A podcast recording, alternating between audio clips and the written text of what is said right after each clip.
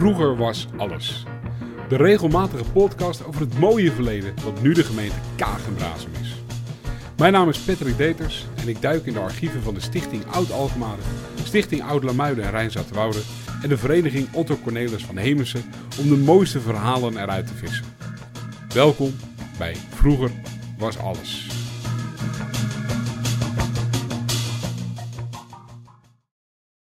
Vorig jaar heb ik verteld over het ontstaan van het dorp Rijpwetering. En dit jaar zoom ik in op de horeca, namelijk Café Rustoord en de Rode Vos.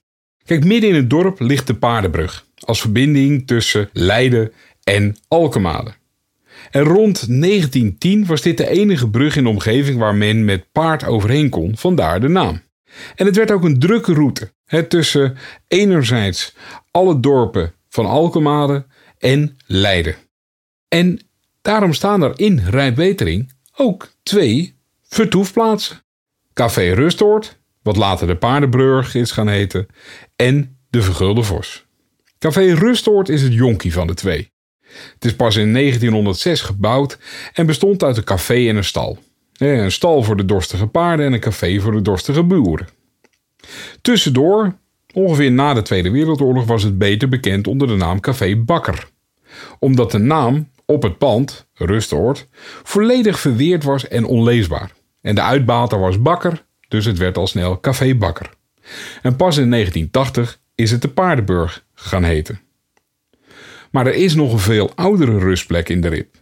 En dat is de Vergulde Vos. En die is gebouwd in 1615 op het hoekje van de Koppoelaan aan het begin van de Rijpwetering. De Vergulde Vos is trouwens niet de originele naam. De originele naam, tijdens de bouw, was de Rode Vos. Alleen de vraag is waarom het de Rode Vos heette. Misschien heeft het iets te maken met een populair dierengedicht en epos rond die tijd, namelijk van de vos Reinaarde, dat in 1200 geschreven is. Ik ga er niet al te veel over vertellen, maar het is een epos, een helder gedicht dus. En het gaat over een sluwe vos, die door koning Nobel aan het hof wordt ontboden om zich te verantwoorden tegenover zijn misdaden in het bos. En de koning stuurt eerst drie boodschappers om hem te halen en die weet hij alle drie om de tuin te leiden. En uiteindelijk is het zijn neef, de Das, die hem toch overhaalt om naar het hof te komen. En in het hof moet hij verantwoording afleggen. En het is een tranentrekkend verhaal. En hij huilt er ook bij. En hij vertelt dat hij een hele slechte jeugd heeft gehad. En dat hij daardoor de smaak van bloed heeft leren proeven.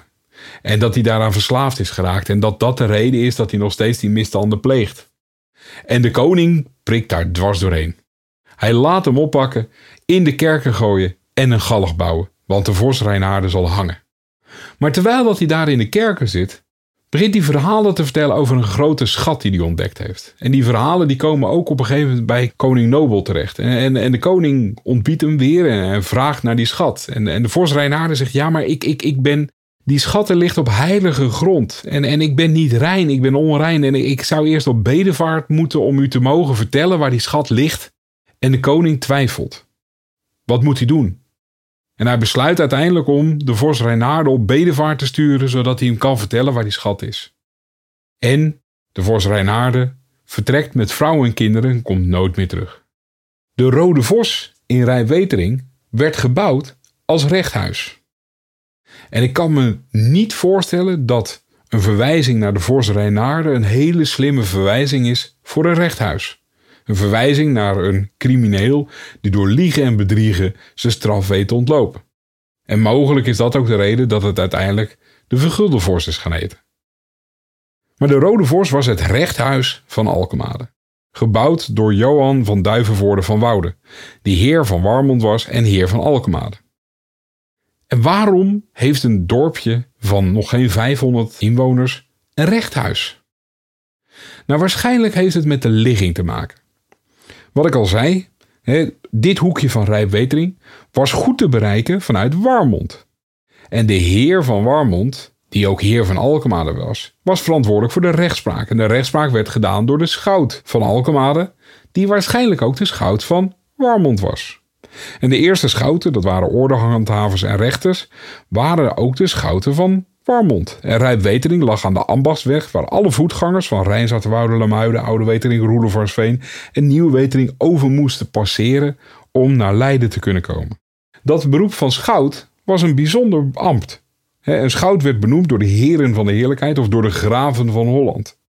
En een schout was niet alleen de ordehandhaver, maar was ook de rechter, de notaris, de advocaat en de dijkgraaf. Een druk bezet man. En hij werd betaald op basis van de actes die hij uitschreef, de boetes die hij wist uit te delen, of de rechtszaken waarin hij als advocaat optrad. En er zijn gevallen bekend waarin de schout niet alleen de advocaat was van een van de twee partijen, maar ook de rechter van de rechtszaak. Een uitermate ongezonde situatie. In Rijwetering werd dus dat rechthuis gebouwd. En dat rechthuis heeft daar gestaan tot nou, halverwege 1700 en toen is dat verhuisd naar Oude Wetering. Maar voor een dorpje van 500 mensen was het een beetje een dure aangelegenheid om alleen maar een rechthuis te bouwen. Dus naar alle waarschijnlijkheid is op datzelfde moment ook een herberg gebouwd in datzelfde pand en een waag. En een waag was een plek waar je officieel dingen kon laten wegen. En voor een gemeenschap die heel veel inkomsten had rondom vlees, uh, melk, uh, boter en kaas, was dat heel erg van belang. En dat kun je nog steeds zien als je binnenloopt in de Vergulde Vos via de voorkant. Dan kom je eerst in de gelachkamer, het herberggedeelte.